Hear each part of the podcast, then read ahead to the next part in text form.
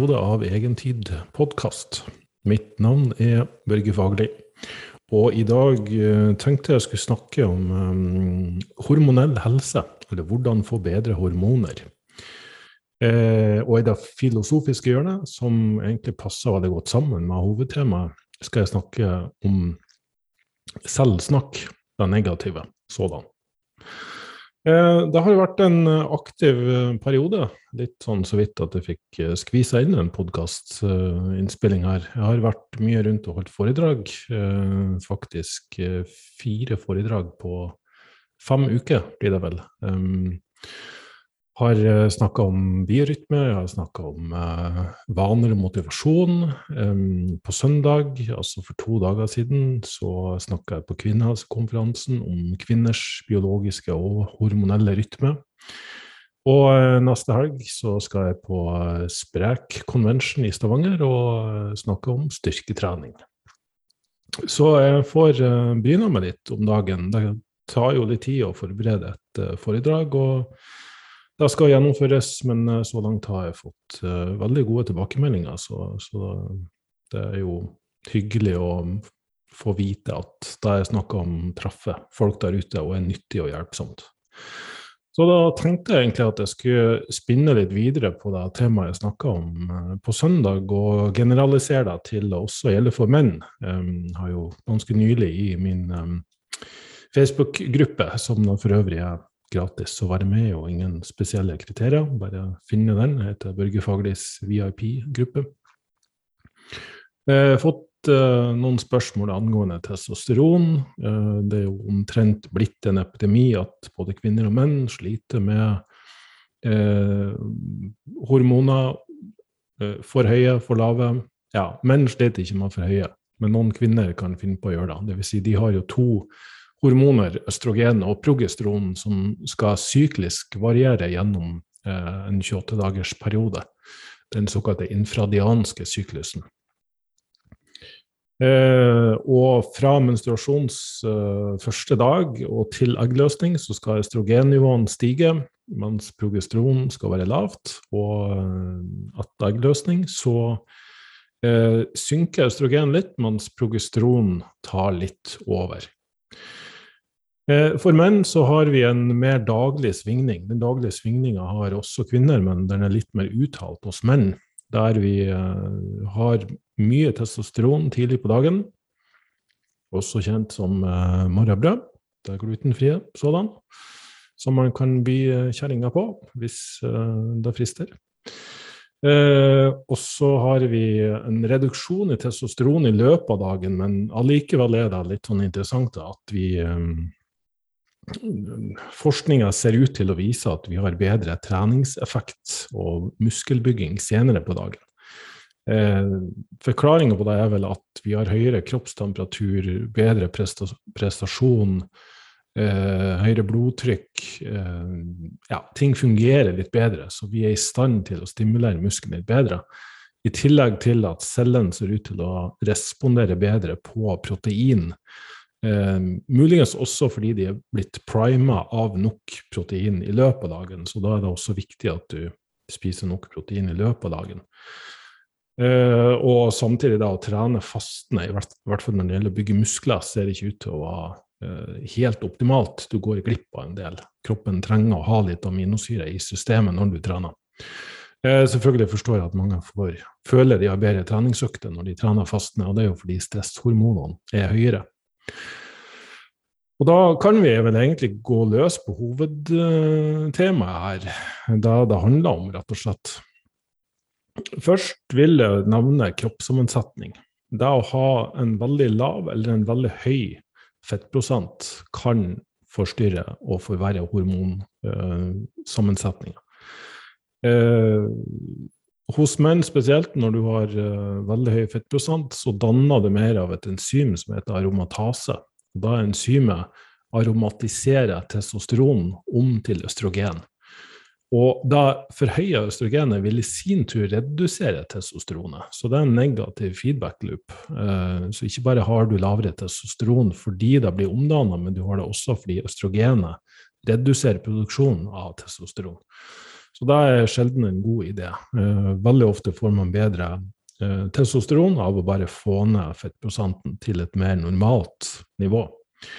For en mann så vil jeg si at da å ligge mellom 10 og 15 er noe de fleste vil føle seg best på. Noen klarer å være nede på 10% mens noen må opp i 12 og 13 for å få best hormonell helse. For kvinner så er tallet mye høyere, rett og slett fordi de har mer essensielt fett på kroppen. Så vi regner da rundt 7-9% høyere. Det vil si at kvinner ja, bør ligge mellom 18 og 25% ca. Der vil de ha best hormonell helse. Så ikke bare for mye, men også for lite. fordi det henger jo sammen med at um, kroppen blir jo utsatt for mye stress. Og stress er en hovedårsak til at hormonene dine ikke er sånn som de skal være. Uh, evolusjonært sett uh, og fysiologisk sett så er enhver organismes to viktigste prioriteringer overlevelse og reproduksjon. Overlevelse sikres jo gjennom at du har nok mat til å fungere. Um, men og, uh, reproduksjon krever litt mer mat og næring og miljø sammenlignet med bare overlevelse. Så det er forskjell på å overleve og trives.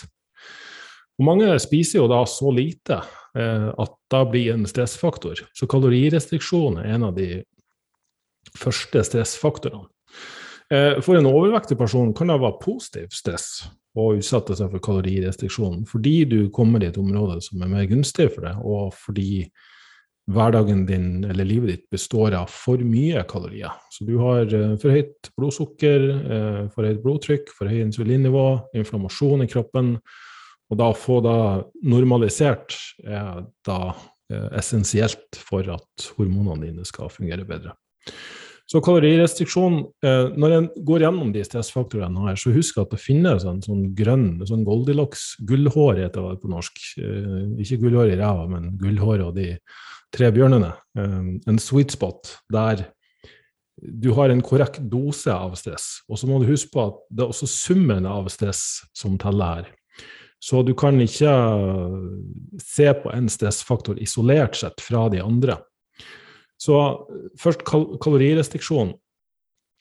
Det kan eksistere for en person som for øvrig har lite stress i livet sitt, men for en som går gjennom en skilsmisse mens de tar eksamen, eh, har én jobb eh, heltid og én jobb deltid, eh, trener hardt, eh, er veldig grublende og tenkende, det blir for mye. Så, så tenk alltid sum her.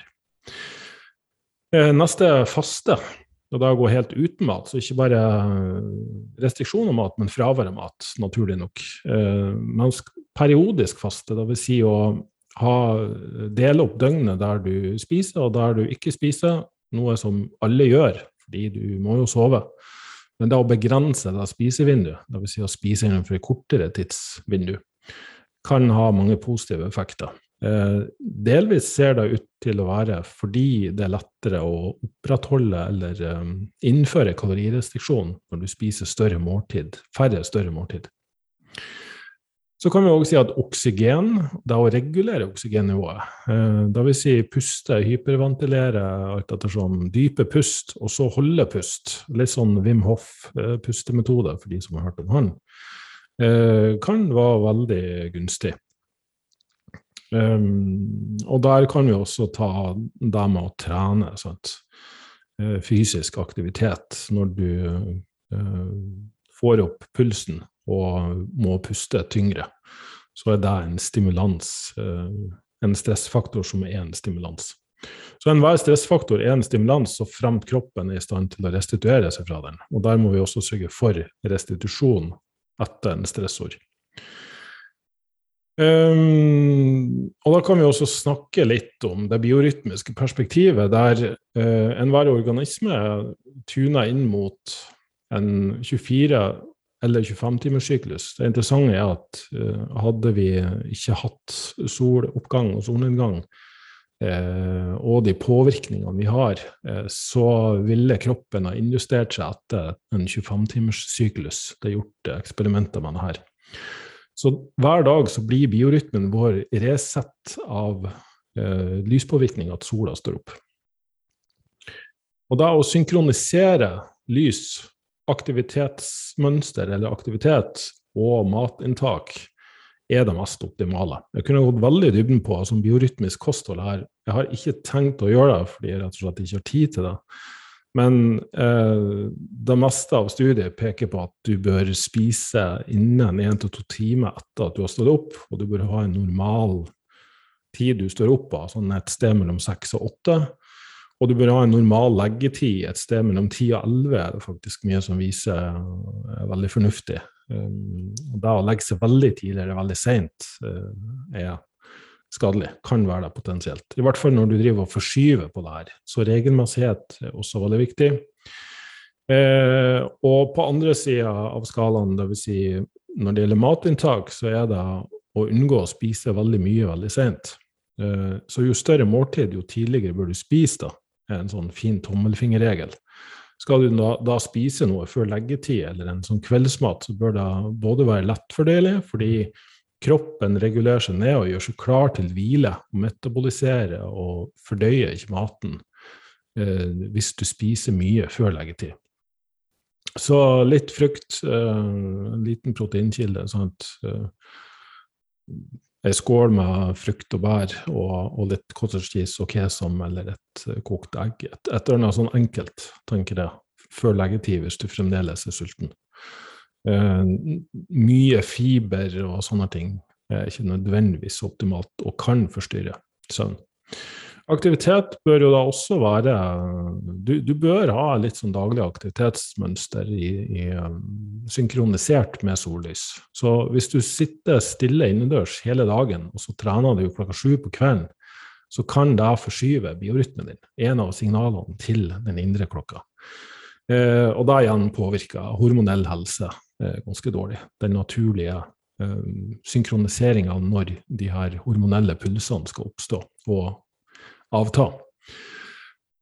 Eh, temperatur er faktisk også viktig.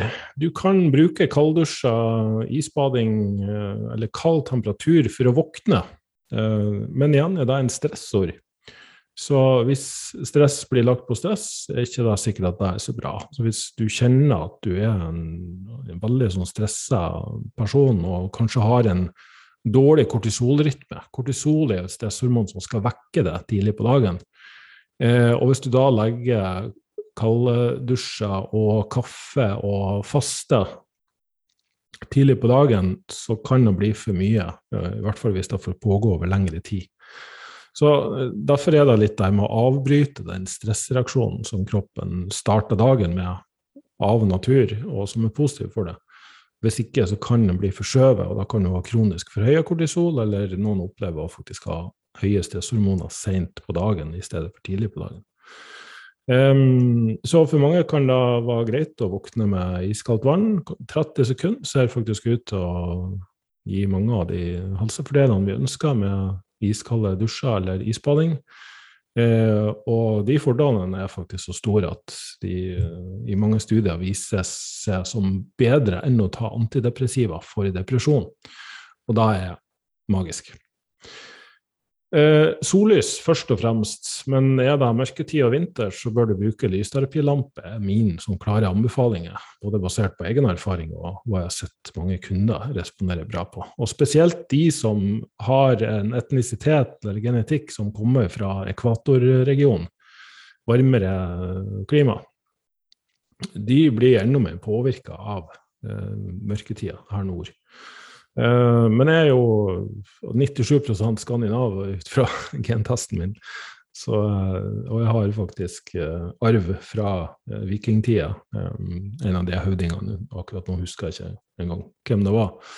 Så, så, mine gener er jo tuna mot et nordisk, skandinavisk klima og, og kosthold, for den saks skyld.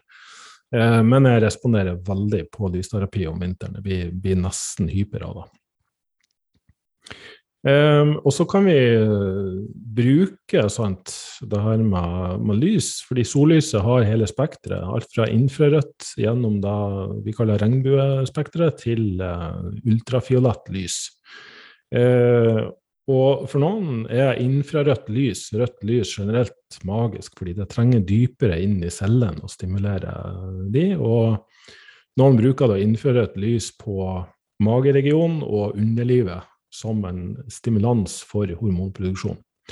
Bruker du infrarød varmepære, som er veldig billig, koster vel 72 kroner på Felleskjøpet, var det noen som fortalte meg.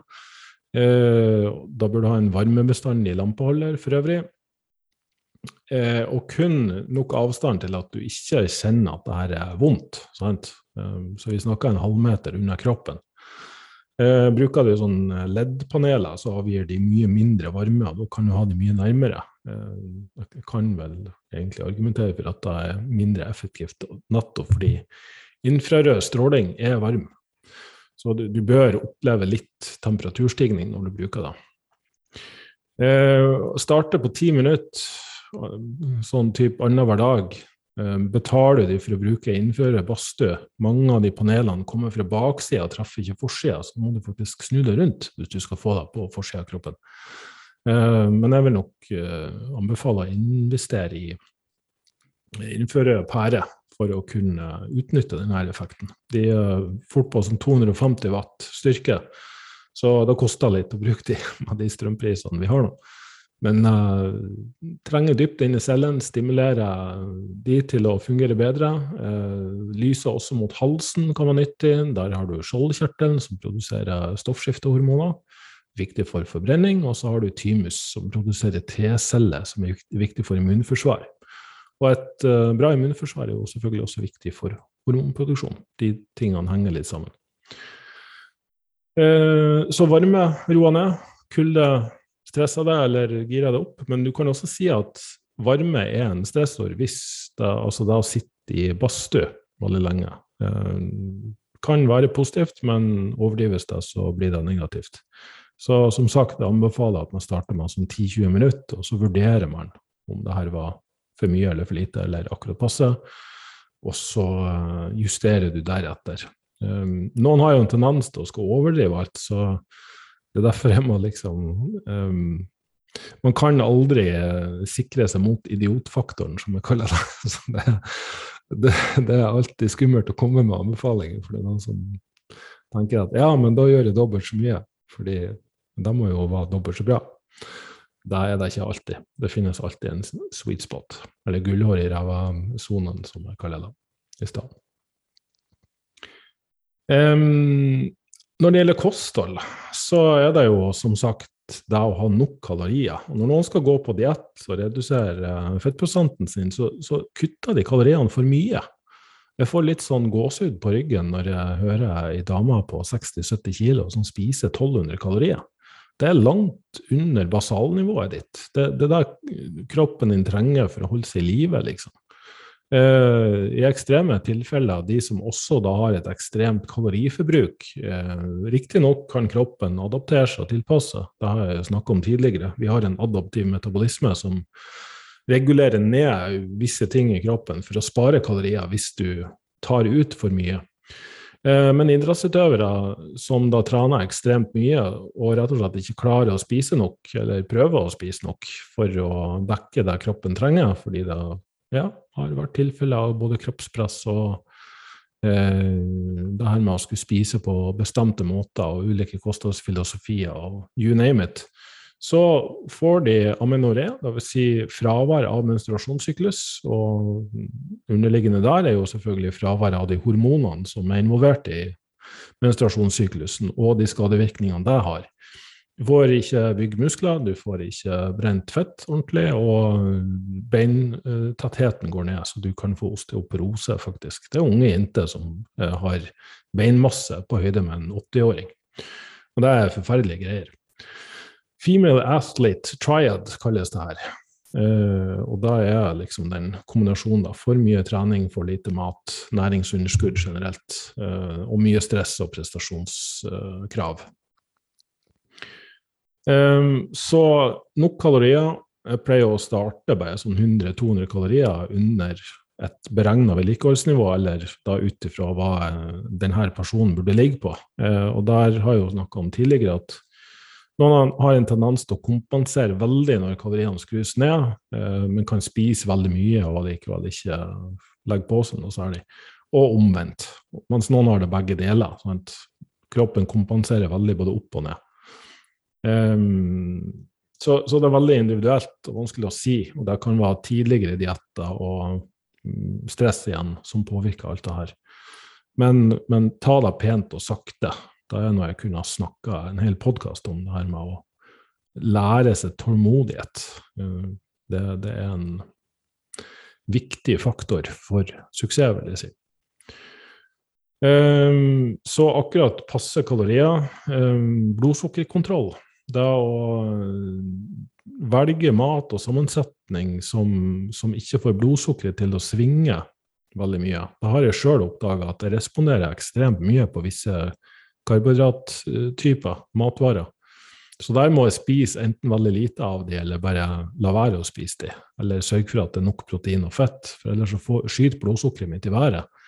Eh, og så produserer kroppen min mer insulin enn det den egentlig trenger eh, hvis blodsukkeret mitt skyter i været. Så da får jeg reaktiv hypoglykemi. Det vil si at blodsukkeret blir veldig lavt, og jeg får sånn skjelvinger og frysninger og føler meg rett og slett uvel. Så muligens igjen relatert til min uh, skandinaviske genetikk at jeg responderer bedre på mer animalsk og mindre plantebasert, karbohydratbasert. Gjentatte ganger forsøkt høyere karbohydrater, og, og ender egentlig bare opp med, pga. den blodssukkerkontrollen, å legge mer på meg og få dårligere hormonnivå. Så trenger vi nok fett. Eh, faktisk er det veldig mye forskning som viser at vi spiser det noe særlig under 30% av vedlikeholdsnivået ditt i kalorier. Så du må starte med, selv om du skal gå på diett eller kalorioppbyggingsdiett, så, eh, så, så, må du regne ut prosent fettmengde fra um, vedlikeholdsnivået ditt i kalorier først. Så noe særlig under 30% vil jeg fraråde hvis du vil ha optimale hormoner. Eh, og veldig mye tyder på at 40% er mye bedre. Eh, både bedre for menn med testosteron og bedre for kvinner med østrogen og progesteron. Og da mener jeg ikke nødvendigvis Altså, for kolesterol er forstadiet til alle hormoner i kroppen. Så, så, så, du trenger nok fett. Og kolesterol finner du jo mest av i animalske proteinkilder. Så det er sikkert noen eh, veganere eller vegetarianere som hører på det her, men for i hormonell helse så er det det at animalske proteinkilder, animalsk mat er jo proteinkilder, uh, har mest næring per kalori når du sammenligner det. Du må spise fryktelig mye planter og, og frukt og, og bær for å komme opp i samme næringsnivå som du får fra en, en 100 grams biff, liksom, eller kyllingfilet. Ja, ikke kyllingfilet, fordi den blir veldig mager igjen. Men uh, i hvert fall når, når, vi snakker om rødt kjøtt, så er det veldig næringsrikt. Og innmat enda mer næringsrikt enn der igjen. Det, det, er faktisk helt vanvittig for noen kraftpakker, noe så enkelt som lever kan være, da. Sammenligna med, med egentlig alt annet. Så mest mulig næring også. Og når jeg hjelper folk med å få hormonene på plass, så hender det at vi må inn med de som ikke liker lever, og det er jo veldig mange, så må man kanskje bruke sånn um, eh, frysetørka lever, altså i, i kapsler.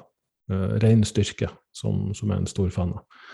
Uh, og um, når det gjelder planter og, og grønnsaker og, og frukt og bær, så må vi jo også huske på at de næringsstoffene som er der, er fanga i fiber. Og har du en fordøyelsesfunksjon som er redusert eller dårlig, eller kanskje genetisk dårlig disponert for å fordøye mye av det, så er det ikke sikkert du tar det opp. Så det kan hende at du spiser veldig mye næring, tilsynelatende ut fra hva en, en matvareplanlegger forteller deg, men det er ikke sikkert at næringsstatusen din er bedre. Så uh, igjen er jo snakk om det gjentatte ganger på podkasten, men jeg er en stor fan av den mer historiske, tradisjonsbaserte måten å tilberede mat på. Uh, vi fant ut gjennom evolusjonshistorien at planter inneholder varierende grader av giftstoffer som vi kan kalle fytokjemikalier, fordi i visse doser kan vi si at det er en, en stressor som gir en positiv adopsjon i kroppen. Uh, og, og, gir oss antioksidanter, alt det her uh, som kan bekjempe frie radikaler osv. Um, men igjen har vi nok en individuell toleranse for uh, hvor mye som er gunstig for oss. Og for noen kan det faktisk bli så mye at det kan trigge reaksjoner. Det er folk som har dødd av å spise for mye potet, rett og slett fordi Potet har en, et giftstoff som heter solanin i skallet sitt. Og når de da er lagra litt dårlig eller umoden, så er det ekstra mye av det. Og hvis du da ikke koker de godt nok, eller kanskje har skrella de før du koker de, så, så, og spiser mye av det, så, så blir det for mye. Eh, så syrning, fermentering, um, koking, langtidskoking Grilling. Vi, vi, har mange forskjellige prosesserings- eller behandlingsmetoder som matvareindustrien i dag omtrent har glemt eller ikke forstått, eh, i hvert fall ikke benytter seg av. Da bruker de heller tilsetningsstoffer for å få visse smaker og konsistenser og egenskaper, i stedet for å forstå den mer tradisjonsrike måten å tilberede mat på, sånn at vi faktisk får tilgang på denne næringa nøytraliserer de giftstoffene, um, gjør kroppens evne til å ta det her opp mye bedre. Og redusere den skaden den potensielt kan ha på lengre sikt på tarmcellevegg og, og fordøyelsesfunksjon. Så ja, rett og slett et minefelt. Men, man er nok god forskning på at eh, plantekost, grønnsaker, i visse mengder kan være positivt for de aller fleste, men i litt for store mengder, og i hvert fall for enkelte personer, så er det regelrett skadelig. For planter vil ikke bli spist. Um, frukt vil bli spist. Det er designa både med farger og smak og lukt, sånn at vi skal elske å spise det. Og spise frøene og bæsje de ut, helst ut i naturen, noe vi ikke gjør lenger, men det vet jo ikke naturen. Uh, sånn at det her får, formere seg. Og de fleste dyrearter som er plantespisere, de har mager som er designa som et fermenteringskammer. Så de fermenterer og syrner denne maten inni kroppen sin. Mens vi mennesker faktisk har en lang, lang tynntarm som ikke fermenterer mat i hele tatt. Den tar opp protein og fett eh, og, og ingenting annet. Mens helt i enden, altså i tykktarmen, eh, like før vi bæsjer, der har vi litt plass til å fermentere og, og, og, styre med fiber, sånn at vi kan ta opp eh, fettsyre og, og kjemikalier. Så det, det, er litt sånn greit å ha i bakhodet. Um, så har jeg vel egentlig har vært gjennom det meste av stressfaktorer, hvordan du regulerer det. Og da er vi kommet til mental stress og selvtillit. Og ta-da, da er vi i det filosofiske hjørnet. Der trives jo Børge ganske bra om dagen. Eh, og i dag tenkte jeg egentlig bare å snakke om noe som er litt sånn eh, enkelt og greit. En sånn ti punkter over eh, generaliseringer, eller automatiske tanker, som veldig mange av oss har. Eh, da du føler har som regel, eller alltid er noen som påstår, en tanke bak seg, Sjøl om du ikke alltid er bevisst den, for det har skjedd i et mikrosekund, og du er blitt så vant til det at du registrerer ikke at du tenkte det før du følte det. Jeg vet at mange påstår at ja, de våkna opp med den følelsen, og da var liksom dagen sånn og sånn. Det kan være noe du har drømt, men veldig ofte er det vel egentlig at du er bare vant til å gå rundt og si de her tingene til deg sjøl. Så vi er alle vår egen mobber og mobbeoffer i en og samme kropp. Og det er noe jeg jobber mye med mine kunder med for å adressere og eh, plukke fra hverandre. Fordi det at det er automatikk i det, betyr ikke at det er sant. Vi, vi starta et sted med å si det her til oss sjøl som en forsvarsmekanisme eller reaksjon på noe som skjedde. Og der og da var det muligens riktig, eh, fordi vi var ung og mindre moden og reflektert.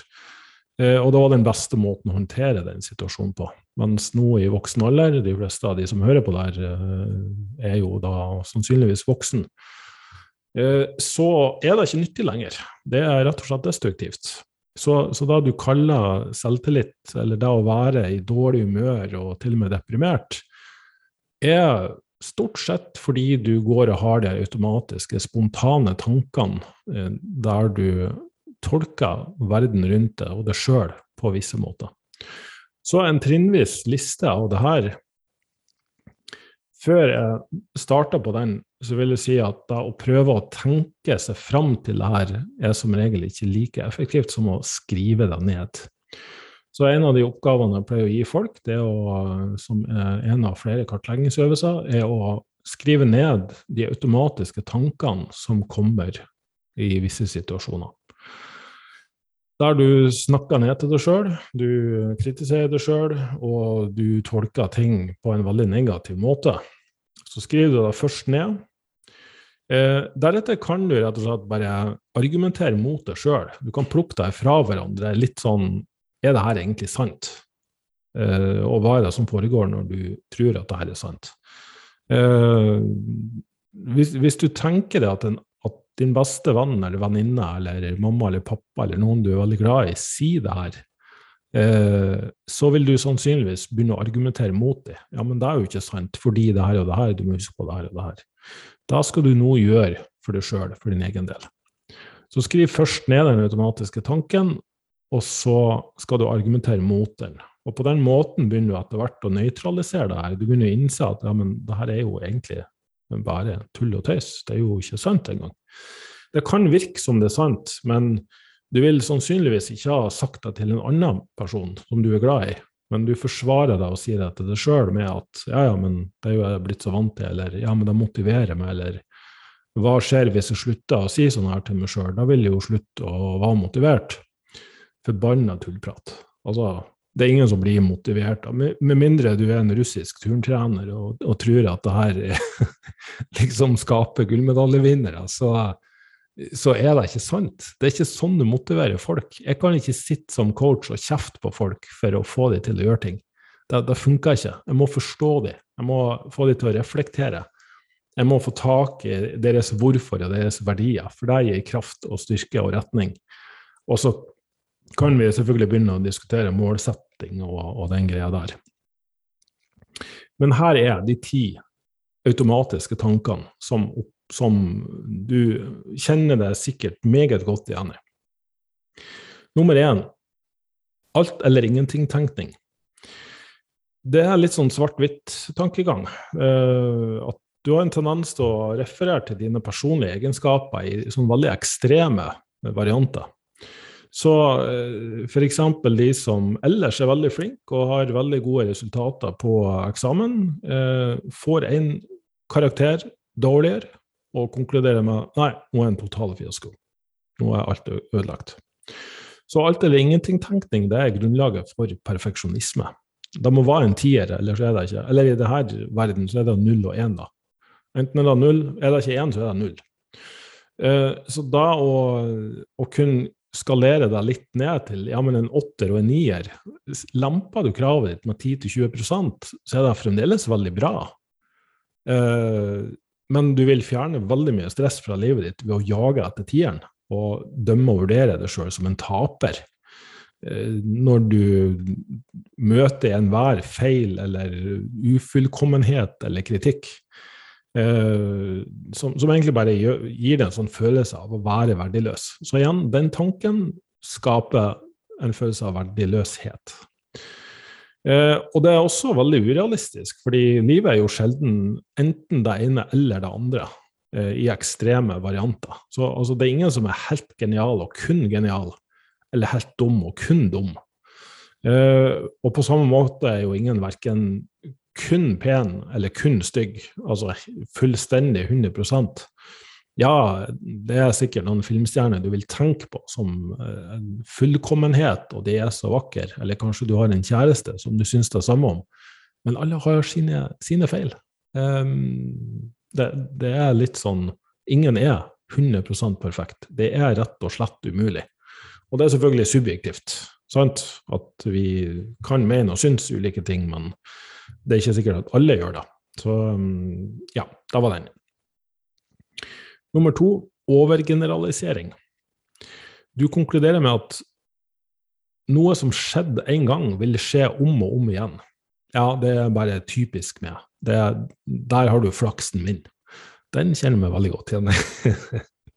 Så jeg sitter her og kaster stein i glasshus som bare pokkeren. Bare husk det. Jeg sitter ikke her og påstår at jeg er fullstendig fri for de her tankene, men det er veldig fint å få skrevet det ned i, i, et system. Og denne smerten vi opplever når vi blir avvist, eh, om det er i form av at en jobb vi ikke får, eller en uh, date vi ikke får, stammer nesten utelukkende fra denne overgeneraliseringa. Så si at du har mota deg opp for å be uh, ei jente på date, uh, eller en mann. Og så takker han henne høflig nei, og da gjør det jo av ulike grunner. Det kan jo være at uh, de allerede er i et forhold, eller allerede har en date, eller det passer ikke, eller de var i dårlig humør. Eller, altså, det, det, er en million forskjellige grunner som egentlig ikke har noe med det å gjøre i det tatt. Men da er det veldig fort gjort å si at nei, jeg kommer aldri til å få en date. Det er ingen som noensinne vil ha en date med meg. Jeg er stygg, eh, jeg vil være ensom og vil bare ha det elendig hele livet. Jeg har vel brukt sikkert over halvparten av mitt liv til å fortelle meg sjøl at, uh, at det ikke er verdt å være sammen med og uh, fortjener ikke kjærlighet. Så den kjenner jeg meg meget godt igjen i. Men den overgeneraliseringa til at det kommer til å gjelde resten av mitt liv, er jo totalt feil.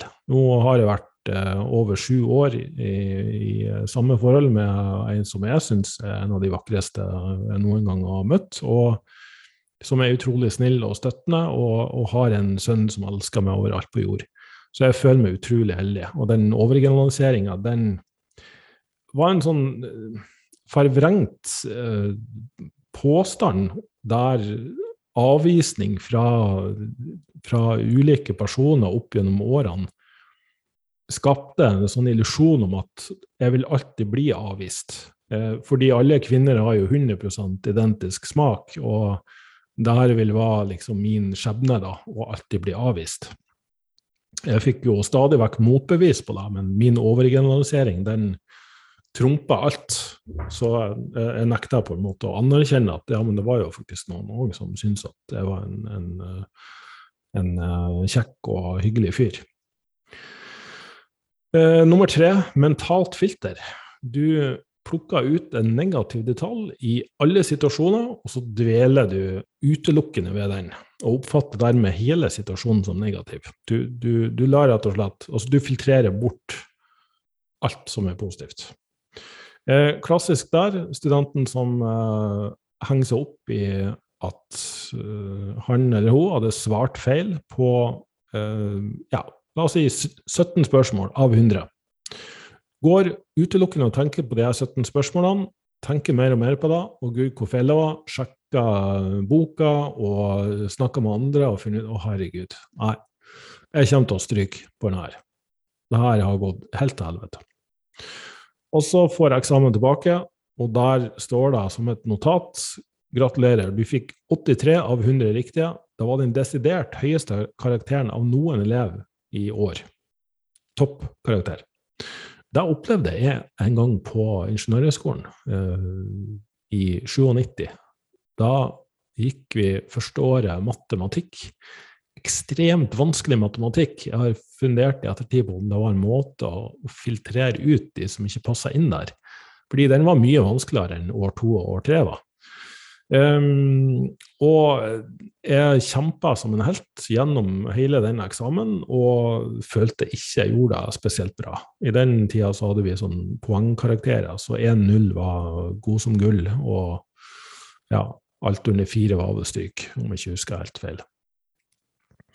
Jeg fikk vel 2,2 i karakter på den, uh, hvis jeg ikke husker helt feil. Og i den tida så hang de opp lister, det er mulig du gjør det ennå, med kandidatens nummer.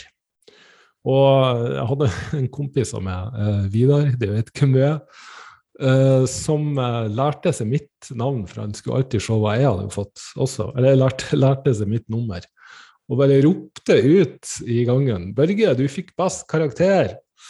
Og da var altså 2,2.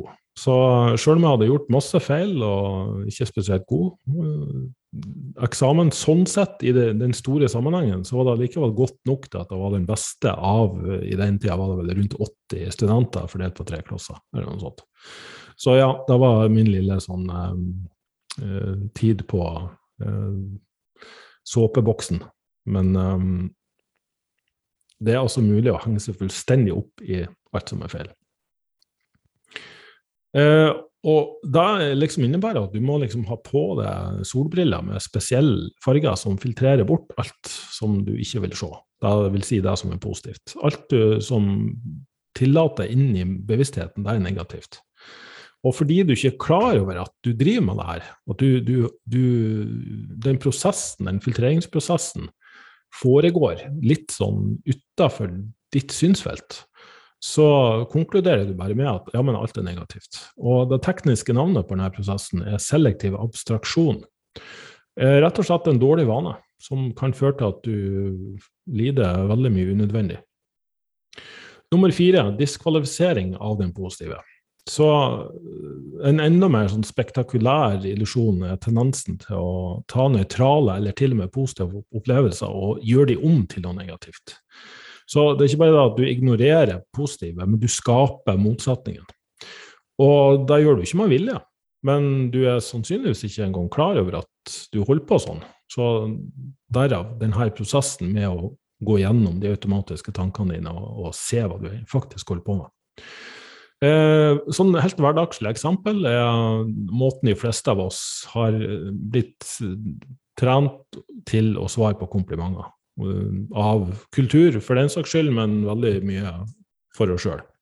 Så når noen uh, gir deg et kompliment for enten utseendet ditt eller arbeidet ditt, så sier du sånn automatisk ja, eh, jo da, takk, men det sa de sikkert bare for å være snill eller hyggelig. Og dermed så diskvalifiserer du komplimentet deres. Du, du gir ikke de uh, kred nok til at de snakker sant. Du, du faktisk beskylder andre for å drive med løgn for å bare si ting for å stroke egoet ditt, i stedet for at det er et genuint kompliment. Og du gjør det samme når du svarer tilbake 'Å ja, men det var egentlig ingenting'. Så å diskvalifisere det positive det er en av de mest destruktive formene for kognitiv forvrengning. Og du er faktisk som en sånn vitenskapsmann som har til hensikt å finne bevis for denne hypotesen om at du er, en, du er aldri bra nok. Og da klarer du fint, for hver gang du har en negativ opplevelse, så dveler du og holder fast ved den og konkluderer der er beviset. Jeg har visst hele tida. Jeg er ikke bra nok, jeg er stygg, jeg kan ingenting, jeg er ikke god nok, osv. Men derimot, når du har da positive opplevelser, så forteller du det sjøl det var kun flaks, og det teller ikke. Det kaller vi også attribusjonsteori, der vi aldri tar kred for det positive, men eh, kun for det negative. Nummer fem, du hopper vilkårlig til en negativ konklusjon som ikke er rettferdiggjort av fakta i situasjonen. Jeg fant ikke noe godt ord for eh, punkt nummer fem, men to eksempler på det er tankelesing og eh, synskhet, eller snåsommeren. La oss kalle det snåsommeren. Han er dessverre gått bort nå, men eh, la oss bruke det uttrykket. Tankelesing er når du antar at andre ser på det og tenker negativt. At de ser ned på det. Og du er så overbevist om det her at du gidder ikke engang å sjekke deg ut eller å spørre. For det er selvfølgelig, hvis de da svarer at nei, det gjør de jo ikke, de, de har ikke tenkt på det engang, eller at nei, de tenker at du ser bra ut, så beskylder du de for løgn. Så diskvalifiserer du det positive. Um, så tenk deg uh, Det passa litt for meg, da. Jeg holdt foredrag på søndag, som sagt, og det var ei som satt i salen der og bare duppa av hele tida. Da er det jo fort gjort å tenke at åh, det her publikummet syns jeg er kjedelig. De syns ikke det her er bra. Nå må jeg steppe up gamet mitt. Sannheten er jo at de har hatt seg en durabelig fest kvelden før. Så selvfølgelig var han som satt der og var litt bakfull og eh, ikke helt sånn ovenpå.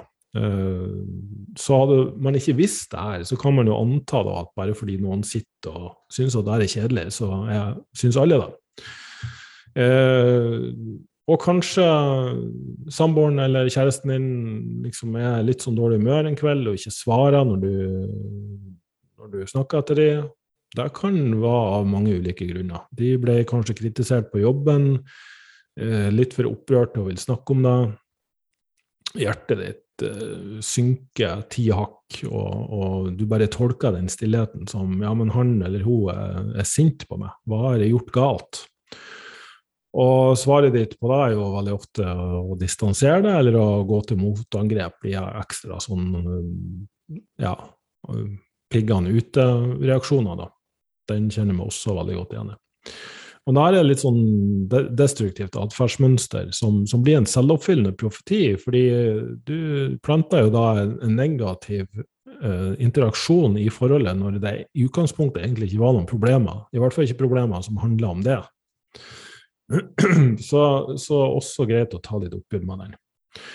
Og så har du denne Snåsamann-greia, der du omtrent har krystallkuler eller amulett eller eh, er klarsynt og kan bare forutse elendighet. Du ser for deg at noe vondt er i ferd med å skje, og du tar denne spådommen som et faktum, sjøl om den er urealistisk. Det er de krisetenkerne, de som går og forbereder seg på katastrofe og forferdelighet. Eh, i disse tider har en større forståelse for at det er mulig. Uh, det har jeg snakka om før, men det er noe med at det må være realistisk også.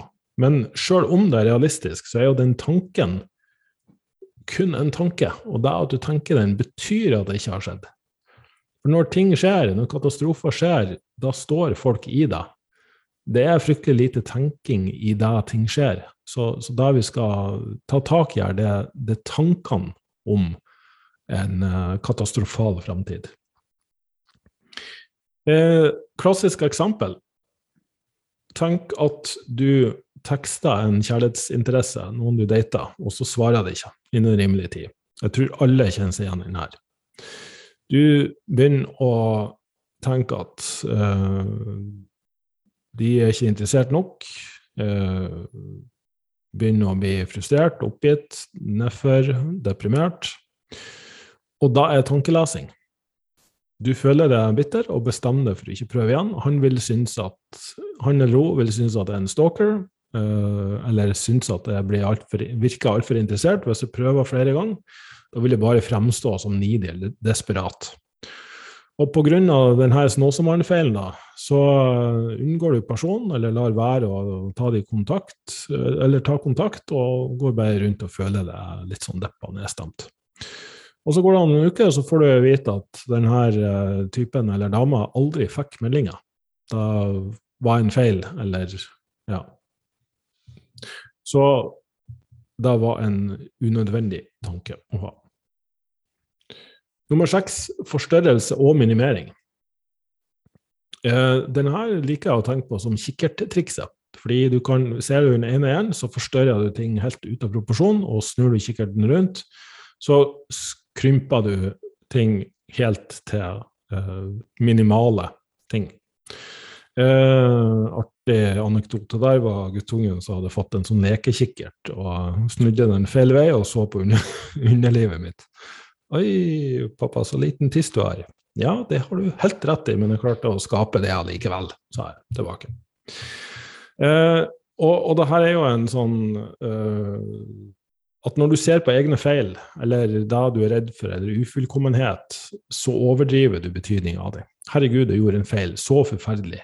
Det vil spre seg, alle vil få vite, ryktet mitt er ødelagt, folk vil hate meg, osv., osv. Så du, du, ser på feilene dine gjennom den enden av kikkerten, så får de til å virke gigantisk og grotesk omtrent. Og der har du òg den katastrofiseringa. Det er ikke bare at du um, det her er jo ting som faktisk skjer, det er ikke fremtidstanker, men det er det du faktisk har gjort også. Så det er også katastrofetenking, fordi du katastrofiserer ting du allerede har gjort også. Mens når du tenker på styrkene dine, så gjør du det motsatte. Da ser du gjennom andre enden av kikkerten, sånn at alt ser veldig lite og uviktig ut. Eh, så hvis du forstørrer ufullkommenhetene dine og minimerer de gode kvalitetene dine, så er det jo ikke rart at du føler det mindreverdig. Nummer sju emosjonelt resonnement. Se at vi kommer oss gjennom det her før timen er gått. Um, du tar følelsene dine som et bevis for sannheten din. Altså, jeg er en stor fan av å bruke den såkalte magefølelsen og intuisjonen, men den er ofte prega av et lite innfall. Det er ikke at det er liksom hvorvidt en følelse er vond eller bra, eh, så legges det veldig mye tolkning på det igjen. Um, det er litt sånn ja, jeg føler meg som en taper, og derfor er jeg en taper. Altså, Det er eksempel på et emosjonelt resonnement. Og det er misvisende, fordi følelsene dine gjenspeiler det du tenker og det du tror. Og hvis tankene allerede er forvrengt, og automatisk, som jo ganske ofte er tilfellet, så vil følelsene dine ikke ha noen gyldighet. Da vil det ikke være verdt å kjenne etter. Og andre eksempler er jo ja, jeg føler meg overvelda og håpløs, derfor må problemene mine være umulig å løse, eller jeg føler meg utilstrekkelig, og derfor må jeg være en verdiløs person. Tull og tøys, alt sammen. Eh, nummer åtte bør og må-uttalelser. Du prøver å motivere deg sjøl ved å si 'jeg burde gjøre det her', eller 'det her må jeg gjøre'. Og eh, sånn, Sånne utsagn får deg kun til å føle pressa og frustrert, og ender ofte opp som prokrastinering. Uh, og mangel på motivasjon. Så, så, det er en elendig måte å motivere seg sjøl på. Den kjente amerikanske psykoterapeuten Albert Ellis han har skrevet sikkert 50 bøker, uh, veldig mye om, om, de tingene her. Han kalte det 'musterbating'. I must do this, I must do that. Så litt sånn morsomt ord, i hvert fall for oss fra Nord-Norge. Syns jo det er fryktelig morsomt. Fordi ja, vi syns jo alt som har med sex, sprit og bannskap eh, er veldig morsomt.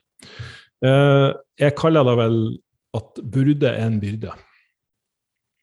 Så når du retter deg mot deg sjøl, du burde ditt og du burde datt, og da er det dagen din består av, så er det ikke rart at du er stressa. Og så retter du deg gjerne mot andre også, de burde gjøre det og de burde gjøre det. Og da har du krav og forventninger som andre eh, sjelden klarer å leve 100 opp til. Og da blir du Da har du rett til, mener du, å være sint og frustrert og skuffa og ta deg veldig personlig.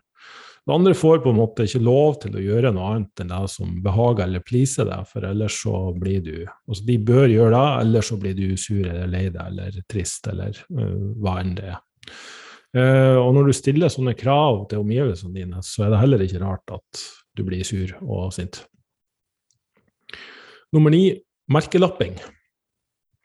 Det er litt sånn personlig feil, feilmerking. At du, du, skaper et negativt selvbilde basert på de feilene du har gjort. Og da har du et sånt arkivskap som er fylt av feil, og så er det ingenting du har gjort, gjort riktig oppi der.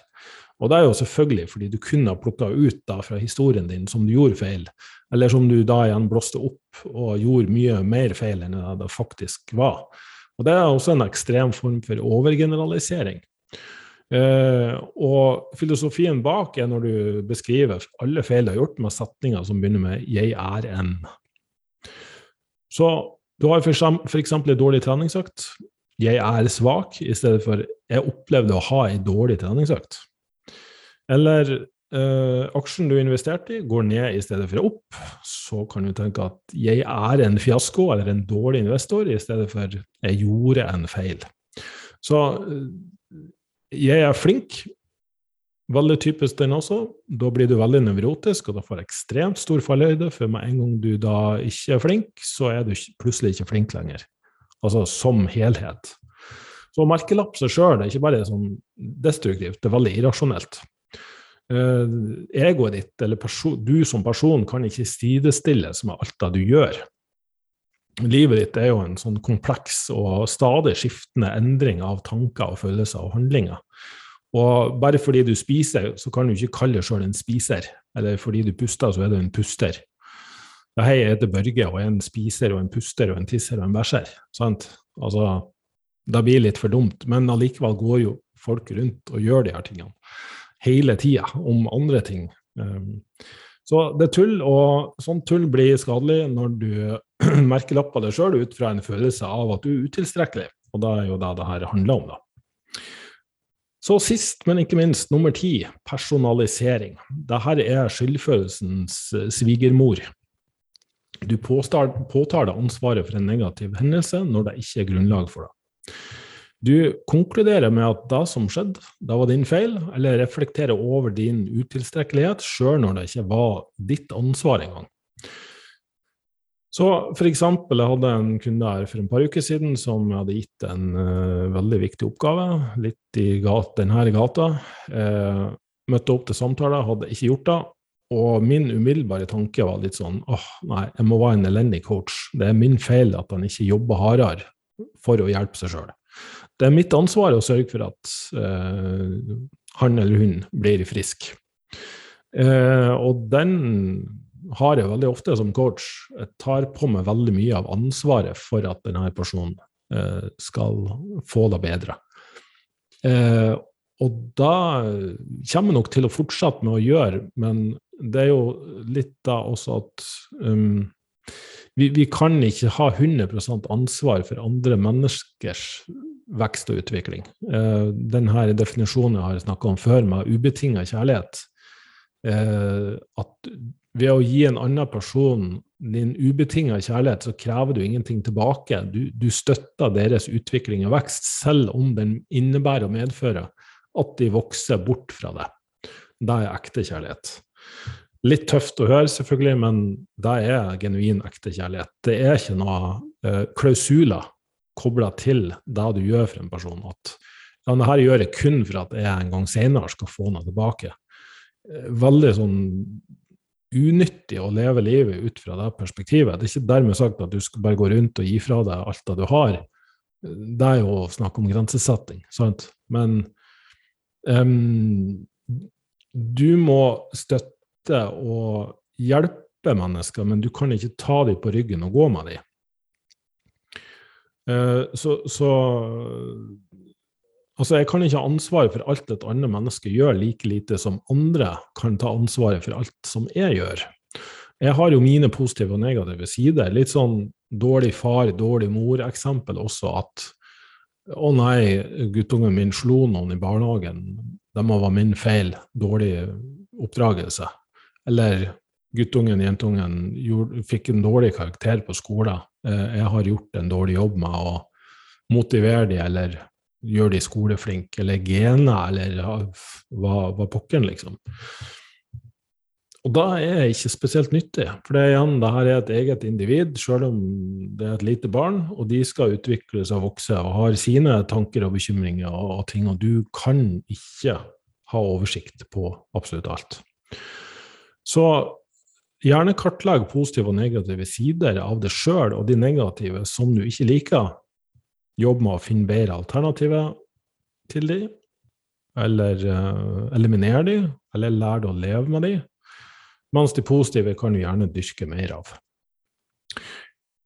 Og ved å gjøre denne øvelsen, dvs. Si, skrive ned de automatiske tankene, det kan være at du må gjøre det her over lengre tid før det begynner å hjelpe. Se hva det er du Hvilken blemme det er du holder på med. Hvilken av de ti her er det du Og det er sikkert flere av de samtidig, som stadig vekk går igjen. Og så argumenterer du mot det sjøl. Da begynner det her å eh, etter hvert løsne litt. Så det er en veldig fin øvelse. Her finnes mange flere man kan gjøre hvis at det her ikke eh, biter seg fast, men jeg tror det vil hjelpe å starte der. Så eh, da vil jeg avslutte med at alt det her Eh, nettopp fordi stress og selvtillit også er kobla med hormonell produksjon.